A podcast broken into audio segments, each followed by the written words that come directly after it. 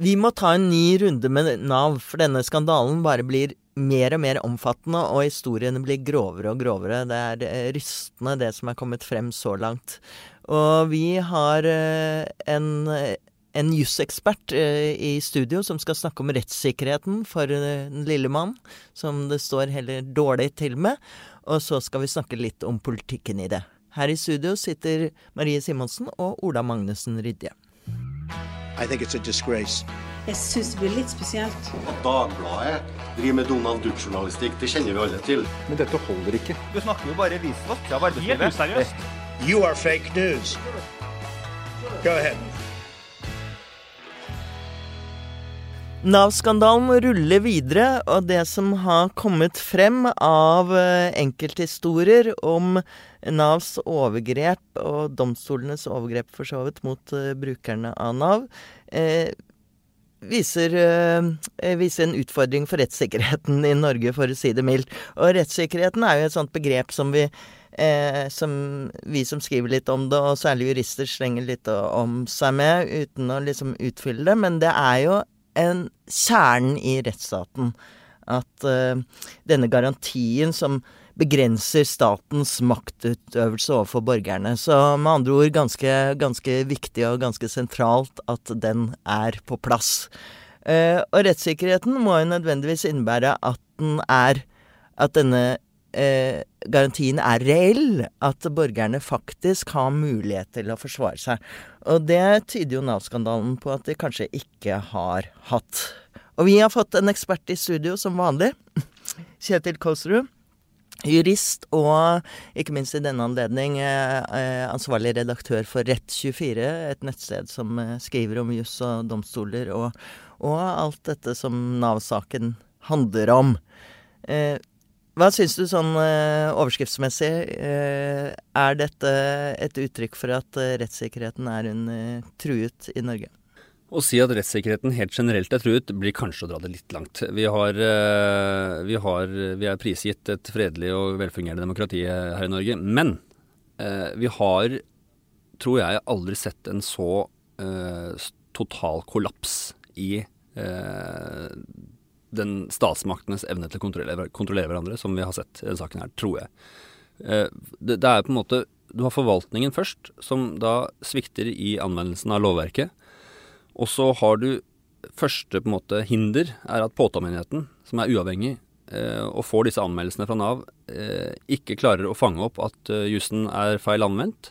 Og så kommer de til domstolene, som virkelig er skranken mellom maktovergrepet fra den utøvende makt eh, og, og, individet. Og der også bare koster dette her rett gjennom uten at eh, det stilles spørsmål ved jussen. Helt opp til Høyesterett, faktisk. Helt opp til Høyesterett. Til Høyesteretts forsvar skal si at, sies at det kun var straffeutmålingen som var tema i den saken. ja. Så det var, ikke, det var aldri eh, prosedert. Men eh, det forandrer jo ikke det faktum at domstolene har et helt selvstendig ansvar etter loven for å anvende jussen riktig, helt uavhengig av hva som blir lagt foran dem. Um, og så kan man jo spørre seg, da, sånn som situasjonen har blitt, hvor reell den uh, Om det er i ferd med å bli en faneparagraf. Fordi vi vet jo litt om tempoet i domstolene og det presset de er under. Og er det i det hele tatt realistisk at domstolene skal kunne gå inn og forske på avansert uh, EØS-juss hvis ingen av verken forsvarer eller uh, påtalemyndighet uh, kommer med dette på bordet? Det er det mulig å spørre Ikke sant? Fordi at det er det som er kommet frem, at uh, domstolene ofte er litt avhengig av at uh, forsvarerne og påtalemyndigheten gjør uh, jobben sin. Og så har påtalemyndigheten og forsvareren sier at de ikke har mulighet til å gjøre jobben så godt som de hadde ønsket, fordi at de også er under eh, sterk press. Men la oss ta det litt sånn Se på de enkelte instansene. Altså, domstolene har jo over lengre tid Dette er jo vi i Dagbladet skrevet utallige ledere om, hvor vi mener at domstolene trenger mer ressurser, mens de blir kuttet uh, år etter år. Og sist gang nå nylig for en uh, tidligere måneden, var det vel hvor de la frem budsjettet hvor eh, lederen for dom, Domstoladministrasjonen, Svein, Sven Marius Yrke, sier at regjeringen utarmer den dømmende statsmakt. Ja, jeg mener at det går bredere enn den dømmende statsmakt, egentlig. Jeg mener mm. at hele rettspleien i Norge er eh, Hva skal man si? Det, det har aldri vært noen stemmer å sanke på å gå til valg på at nå skal vi sannelig ruste opp rettspleien her i Norge. Det, det vinner du ikke valg på. Uh, jo, hvis du sier at resultatet er ja, at the jo, bad guys jo, jo, men blir la oss komme til det, da, for kanskje, dette her, kanskje dette her kommer til å endre den oppfatningen. Fordi at, fordi at det er så mange eh, sterke grupper som uh, slåss for pengene hvert eneste statsbudsjett. Og uh, rettspleien taper gang på gang. salærstørrelsen til advokatene har tidlig stått helt stille og beveget seg mye saktere enn øvrig prisutvikling. Påtalemyndigheten er ordentlig skrapa. Ordentlig skrapa. Sliter med rekrutteringen, sliter med, turn, sliter med turnover. Eh, og domstolene har fått det trangere og trangere og trangere, samtidig som sakene blir mer og mer avanserte, som dette her jo er et eksempel på. For du har da et ganske komplisert underliggende regelverk her. Eh, og, når, og forsvarerne har jo da Eh, når de, de, tilfellene det blir straffesaker her, da de, må også huske at de aller aller fleste sakene her har jo aldri vært noen straffesaker. Det er bare klagesaker i Nav. Og der er det ikke noen forsvarer involvert i det hele tatt. Der har jo denne lille mannen overhodet ingen rettshjelp. Helt avhengig av et uh, lokalt Nav-kontor med kanskje varierende grad av kompetanse. Men de, i hvert fall nå, til nå 48 identifiserte domfellelsene, så har det vært en forsvarer involvert. Og denne forsvareren er jo betalt, betalt for å forsvare, selvfølgelig, men er jo ikke betalt for å sitte og forberede seg i timevis på denne saken. Eh, den, den, satsen som de får for å gå i den saken, den gir dem på en måte rom til å kanskje kikke på dokumentene før de folk, går inn i salen. Folk ler litt av denne satsen, for de mener 1000 kroner. Det høres ja, veldig mye ut. 1000 kroner, men dette er jo da Du må trekke fra alt det som det koster å drive et advokatkontor og sekretær og sånne ting. Og de har vel regna ut, så vidt jeg forsto Advokatforeningen, at eh, det netto, netto eh, advokaten sitter igjen med per sånn salærtime, er 600 kroner. Mm. Det er ikke en kjempehøy timesats, og det er ikke sånn at advokater kan sitte og føre timer fra de kommer på jobb klokka åtte om morgenen til, klokka, til de går hjem klokka fire. Eh, dette er jo da timer de fører når de er på saker, og så gjør jo da advokater arbeid som da ikke kan timeføres. Ikke sant? Så, så eh, alt i alt så, så, er ikke dette her noen sånn kjempelukrativ bransje å gå inn i sånn i utgangspunktet. Gjennomsnittsadvokaten tjener ikke veldig mye penger. Um, men igjen, da. Hvis advokaten skal liksom gjøre et stort EØS-rettslig researcharbeid før en sånn sak, så må den sette av masse tid. Og det, det er det ingen som betaler, betaler, denne forsvareren for å gjøre. Du får ikke en EØS-ekspert for 600 kroner timen. Du gjør ikke det, sånn. altså. Men, men, se hva som skjer når eh, elitefolk blir eh, tiltalt for eh, økonomiske misligheter. Da. da kommer det EØS-eksperter, som de betaler sjøl. Uh, og uh, nå handla ikke TransOcean-saken om, uh, om trygdesvindel, men det handla om, om, skatt. og der var det ikke tilfeldig 600 kroner i timen advokater som kom på bordet. De, de, tok seg betydelig mer betalt, og det har jo det medført at når de da TransOcean-tiltalte til slutt ble frikjent, så saksøker de staten for å få igjen de penga som de har brukt på sine langt dyrere advokater. Som, og det har medført at nå staten får million Jeg så nettopp at det var noen som hadde ønsket at det var en eller annen riking som hadde blitt rammet mm. av dette her, for da hadde det blitt løst på et jo, tidligere tidspunkt. Jo, og så, så, kommer dette her Men når dette kommer for retten, da hvis, hvis, dette virkelig hadde vært måte, et kobbel av måte, advokater som var betalt for å gå ordentlig inn i saken, så hadde de sagt til tingretten, da, som fikk denne bedrageridommen på bordet, og si at men du, dette her strider med EØS-retten. Og så sier aktor nei, det gjør det overhodet ikke. Og så sier dommeren kanskje til og med ja, det er vel ikke åpenbart. Og så sier da forsvareren jo, men da må dere sende en forespørsel til EFTA-domstolen. Da må vi få det forelagt, og så må vi få en uttalelse fra dem, for det mener vi. Uh, og det, og det har, har, de også aktivt nærmest unnlatt å gjøre. Ja, det har i hvert fall da Nav uh, ikke hatt lyst til at skulle skje. For vi har jo oppe dette systemet her Trygderetten. Som jo da, Dette her er et komplisert system. Trygderetten er en spesialdomstol. Mm. Uh, utenom det helt, det er utenom det vanlige domstolssystemet. Er underlagt Arbeidsdepartementet, ikke Domstoladministrasjonen. Uh, som, Men likevel ment å være en slags vaktbikkje? Å oh, ja, absolutt. Det er på en måte ment å være Det, det er opprettet ene og alene for å være det retningsgivende, eh, retningsgivende domstolen for denne type mm. saker. Det er en mm. spesialdomstol akkurat for trygd. Og de begynte jo da i 2017 å si at uh, hør nå her, dette her stemmer ikke. Uh, og det ville jo, viser jo dokumentene som ble lagt fram i forgårs, at det ville jo virkelig ikke Nav uh, høre på. Og da de til slutt truet med å gå til EFTA-domstolen, for de gjorde Trygderetten truet med det. Ikke forsvarerne, men Trygderetten truet med å gå til EFTA-domstolen og få dette her på en måte svart på hvitt, at dette her går ikke. Da reagerte Nav og sa at vi vil ikke ha noe EFTA-dom her. Eh, det kan, gå, det kan, gå, veldig langt. Vi, vi, vi må heller prøve å, å, lirke litt på systemet. Det kan sånn, sånn ende med å påvirke flere, flere, ting enn akkurat dette punktet. Ja, og så eh, hele den argumentasjonen mm. som Nav hadde i, det, akkurat det brevet, så der de på en måte legger fram en strategi for å unngå EFTA-domstolen, er jo helt oppsiktsvekkende. Uh, og det, det, er jo fagfolk som mener at vi direkte krenker EØS-avtalens grunnleggende lojalitetsplikt ved den holdningen som, som Ikke sant. Eh, det som kom frem, er jo at det er mye eh, følgefeil her. Altså, ikke sant. Altså, de veilederne på Nav, de var avhengig av at Nav-ledelsen sendte ut uh, riktig fortolkning til dem, og instruerte. Uh, og så har liksom Trygderetten nærmest godtatt Navs fortolkning, og så er det kommet videre. Uh, jeg er litt opptatt av, som vi har, eh, har skrevet mye om, disse enkeltskjebner. Og det kommer jo stadig frem om at de har prøvd å forsvare seg, eh, men har nærmest blitt overkjørt. Også når de har blitt tiltalt, så har, det, har, eh, har politiet sagt til dem at eh, bare tilstå, for dere kommer til å tape likevel. Mm. Dette er jo ganske oppsiktsvekkende. Ja, det er jo Man får jo helt frysninger. Her har altså da i troen på en etablert praksis, så får altså disse som er tiltalt, råd om bare å, å tilstå, for dette er en plankesak. Eh, og du får mye mindre straff hvis du tilstår. Og så slipper vi å bruke penger på forsvarer, og vi kan gjøre det Kanskje vi knapt trenger å ha et rettsmøte, vi kan bare banke det gjennom. Og så sier vedkommende ja ja, ok, det er vel skyldig da. Og så gjør det, og så får de en dom på det, på det grunnlaget der. Og da er det i hvert fall ingen som begynner å grave i EØS-spørsmålene. Så skal det jo også sies at en god del av de som er dømt her, kanskje også trodde de juksa, da. For de har jo blitt opplyst om, feilaktig riktignok, viser det seg, at de er nødt til å holde seg i Norge, og så har de kanskje sneket seg ut allikevel, og så, og så får de en dom, og så følte de liksom at de ble tatt. det spiller ingen rolle. Men, men det er en litt vanskelig argumentasjon. spiller ingen rolle om man trodde man juksa, så lenge man ikke faktisk gjorde det. Ja. Uh, man kan ikke straffes for noe som var tillatt. Samme samme om man trodde det var forbudt. Jeg ser at enkelte fremholder det når de argumenterer for at disse burde straffes Nei, vel? man skal ikke straffes Nei. for noe man trodde var forbudt. det er helt grunnleggende. Det står i Grunnloven. Men noe jeg liksom stiller meg uh, Jeg må jo bare akseptere at jurister og alle sier at dette er komplisert. Men det er en som jeg har stor respekt for, som også sier at det ikke er så komplisert. Hans Petter Graver skriver i et innlegg hos deg, er det vel, på mm. din side, at folk burde jo ha visst, kjent til EØS-reglenes overordnede uh, prinsipp om de fire friheter, og at dette kan falle inn under det. At ingen har stilt spørsmål ved det, er litt rart. Hadde jo også, Han skriver dette her, og, og det er altså Kunnskapen om at uh, fri bevegelighet er på en måte en helt sentral del av EØS-retten, det er jo uh, helt opplagt. Uh, særdeles enkelt. Du må ikke være ekspert på EØS? Ikke, nei, nei, nei. Du, du bare, det er de fire frihetene, liksom. Ja.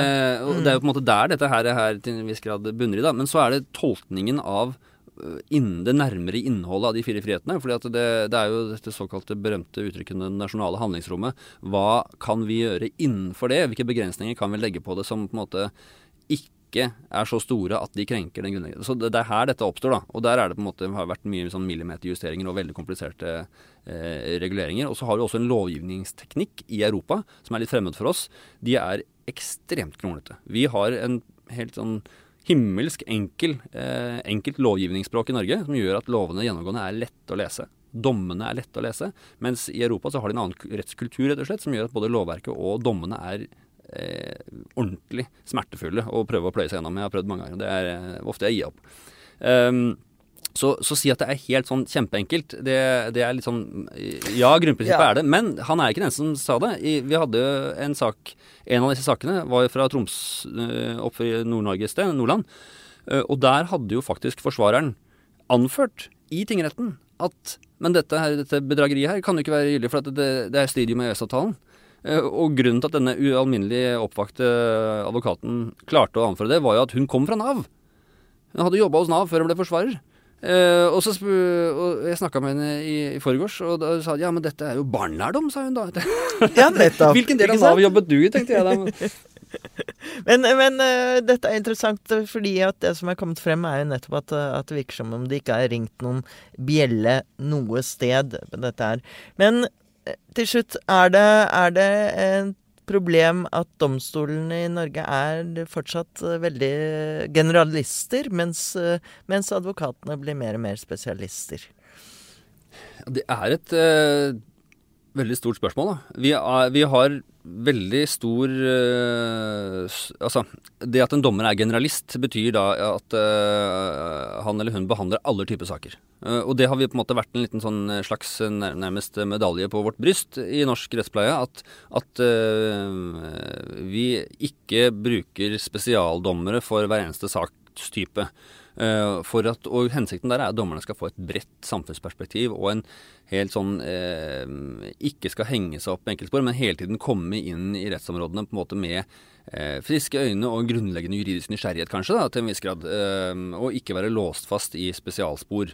og hente impulser fra andre rettsområder og andre samfunnsområder. Det er, det er mye verdi i det. Eh, så, mens andre land har, andre, har, systemer der de har mye mer spesialiserte domstoler. Noen sitter bare med forvaltningssaker, noen sitter bare med straffesaker, noen sitter bare med andre typer saker. Eh, jeg, jeg har personlig veldig stor tro på verdien i eh, generalister. fordi det gir en bred samfunnsinnsikt som jeg tror dommere har gjennomgående har godt av. Men, og så kommer mennene, da. Så er det da en del områder som begynner å bli så krevende at den eh, dommerens reelle evne til å drive selvstendig kontroll med det rettsmaterialet som legges fram i retten, nærmer seg illusorisk. Og som sagt, da, i en sak som dette her, når det kommer en av påtalemyndigheten og en forsvarer inn i en sånn liten fillebedragerisak som dette her, som skal munne ut i 21 dager med fotlenke hjemme foran Netflix med popkorn, eh, så, så, eh, så er det jo ingen grunn til å tro at denne dommeren, som har sittet med eh, en barnefordelingssak i, i, i, går og, og en eh, for fortkjøring i, i forgårs, eh, og noe annet dagen før der, skal stupe inn og gjøre EØS-rettslig grunnforskning på forholdet mellom trygdedirektivet og folketrygdloven. Det, det kommer ikke til å skje. Tusen takk, Kjetil Kastrup, for at du kom her og opplyste oss. Det er eh, veldig nødvendig i denne saken, som er komplisert og veldig under utvikling. Vi får nok stadig mer informasjon om hvor og hvorfor det gikk galt.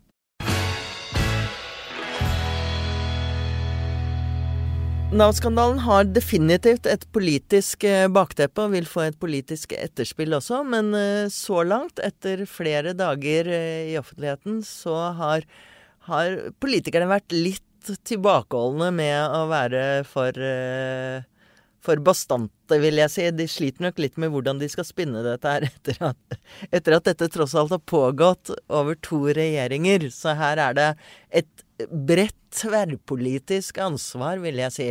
Men så er det selvfølgelig også noen partier som er mer ivrige når det gjelder eh, at, uh, å advare mot trygdeeksport og vil innskrenke trygderettigheter, som også er, er bekymret for hva denne Nav-skandalen skal bety for den politiske linjen fremover. Uh, men hvem er det Eh, altså, vi har, vi har sett eh, selvfølgelig de ansvarlige, Anniken Hauglie og sånn, har vært ute og sånn, og, og dels Arbeiderpartiet. Men så ser vi at Senterpartiet ved Sigbjørn Gjelsvik har kommet ut nå ganske hardt og sier at, eh, eh, sier at vi vil at de norske reglene slik de er tolket av Nav, skal fortsette å gjelde, og at her må EØS tre til side. Det er en sånn, eh, sånn som vi var inne på i forrige eh, innslag, at, at uh, norske myndigheter og offentlighet er ikke så veldig glad i å følge disse EØS-reglene. Martine Aurdal, kommentator, kollega i Dagbladet. Senterpartiet er kommet i en liten skvis her. En liten skvis, eller er vel egentlig det eneste partiet som eh, kan tenke og se noe opportunt i denne situasjonen. Eh, som du forklarte, så har jo både den sittende og den forrige regjeringen et ansvar her som de vel ønsker å stokke og sortere før de eh, går hardt på banen. Men eh, for Senterpartiet sin EØS-motstand er jo en sak som dette gull. Eh, og det er jo ikke uten grunn at Gjelsvik eh, var den første som stilte spørsmål rundt dette komplekset i Stortinget allerede for en liten stund tilbake, og som nå er på banen og ser liksom eh, sin sjanse til å få med seg flere da, på kampen mot eh, EØS' fire friheter. Jeg er veldig spent på hvordan det kommer til å slå ut for Senterpartiet. Fordi mye av det som rulles opp nå, er jo enkeltskjebner som de aller aller fleste, i hvert fall jeg har sett, har reagert veldig kraftig på. Mm. Uh, og det er ikke sånn at man jubler over den Det kan tenkes at det er Senterparti-velgere, til og med? Ja, ja, ja, ikke sant. Jo, jo, for all del. Eh, og det er ikke sånn at man jubler nå over måten, uh, måten de har blitt behandla på. Så når uh, Senterpartiet går hardt imot og gjør det her til EU-kamp med at her er liksom Brussel kommer og overkjører oss med behandlingen vi egentlig har lyst til å gi trygdemottakerne våre, så er det ikke sikkert at det blir en veldig bra publisitetsstunt altså, for en, Senterpartiet. En ting er å mene at reglene skal at Norge bør ha andre lover og regler, men man kan ikke drive og feiltolke de reglene som faktisk gjelder. Det bør jo Senterpartiet også være enige om.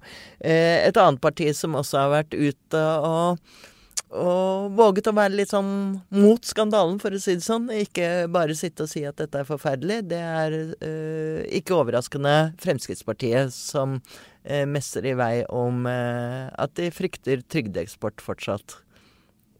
Er det, Martine, er jo Er det Denne trygdeeksporten er jo et sånn veldig sentralt element.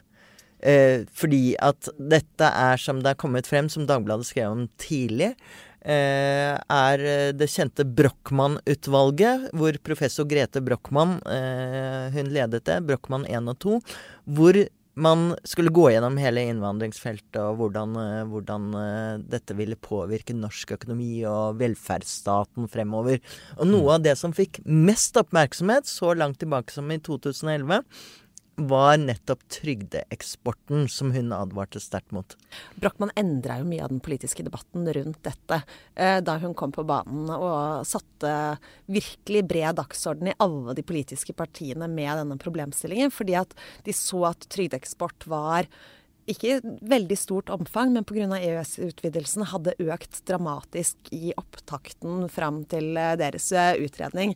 Og de trodde at eh, den eksplosive veksten kom til å fortsette også i de neste årene, og ropte liksom alarm, alarm for den norske velferdsstaten. Og det var noe som skremte Jens Stoltenberg også, med plansjene hans, hvor pilene gikk rett opp. Excel-arkene til Jens, og med hans tilhørende måte å tenke på, lyste rødt da. Nå har jo ikke utviklingen vært så dramatisk som det, den, det Brochmann trodde at den kom til å bli. Eh, men eh, For å si det forsiktig. For den har si faktisk forsiktig. ikke hatt den økningen i det hele tatt, som hun selv har innrømmet at det var eh, viste seg å være Den fremskrivingen var litt vel alarmistisk. Ja, i dag sier jo Grete Brochmann nesten rett ut, og så rett ut som hun kan si, tror jeg, at jeg tok feil. Det ble ikke den dramatiske utviklingen som jeg trodde.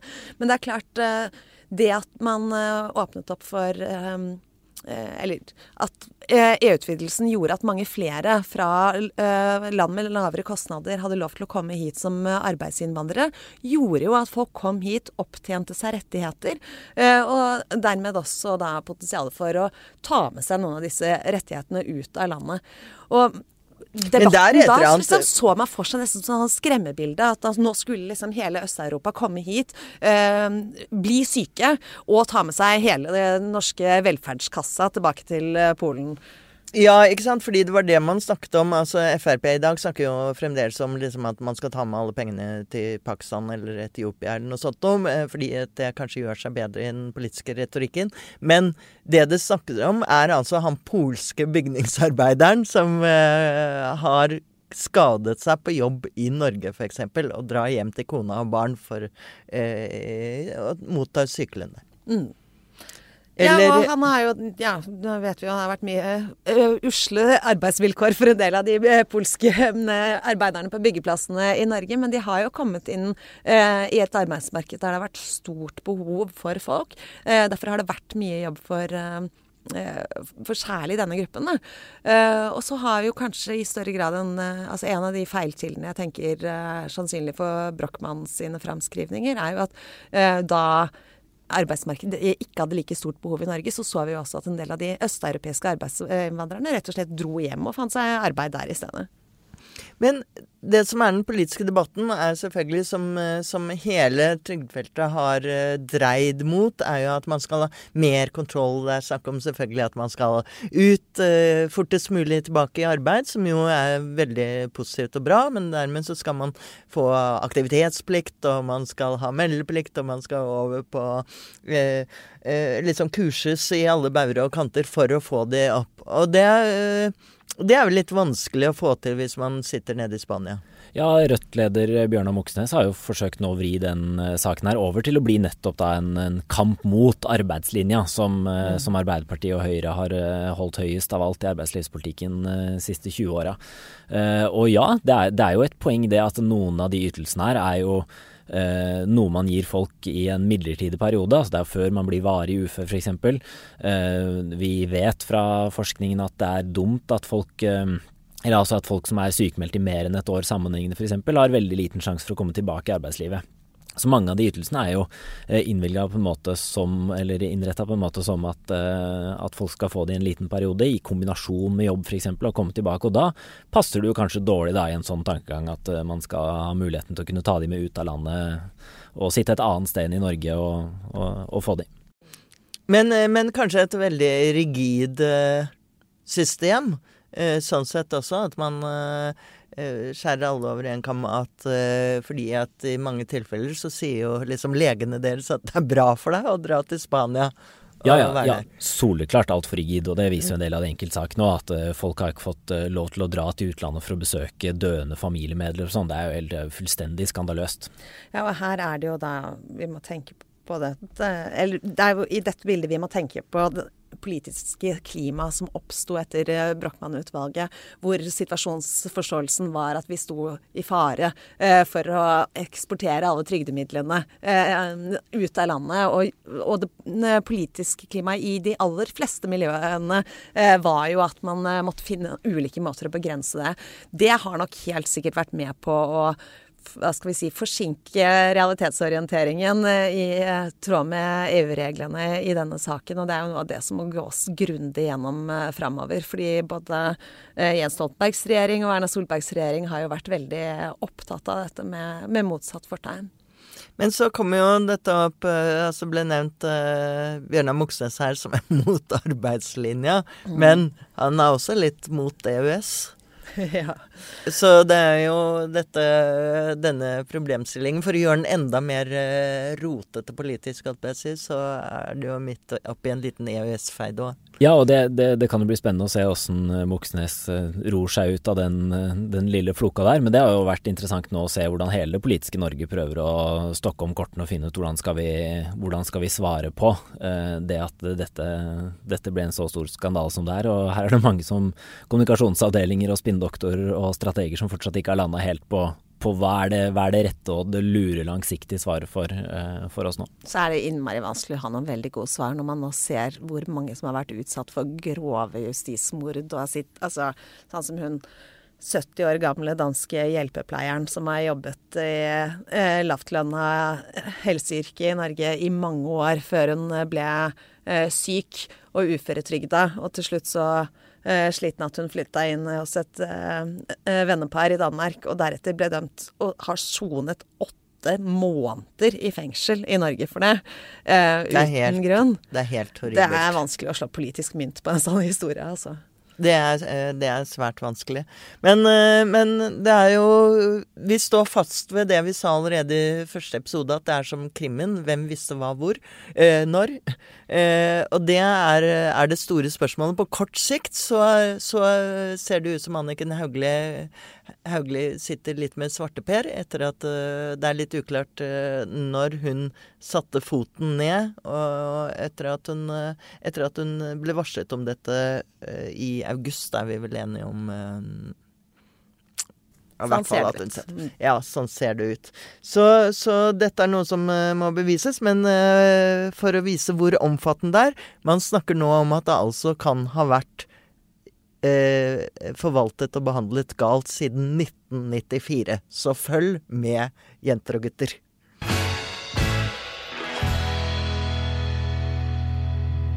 Dette er podkasten som følger nyhetsbildet tett.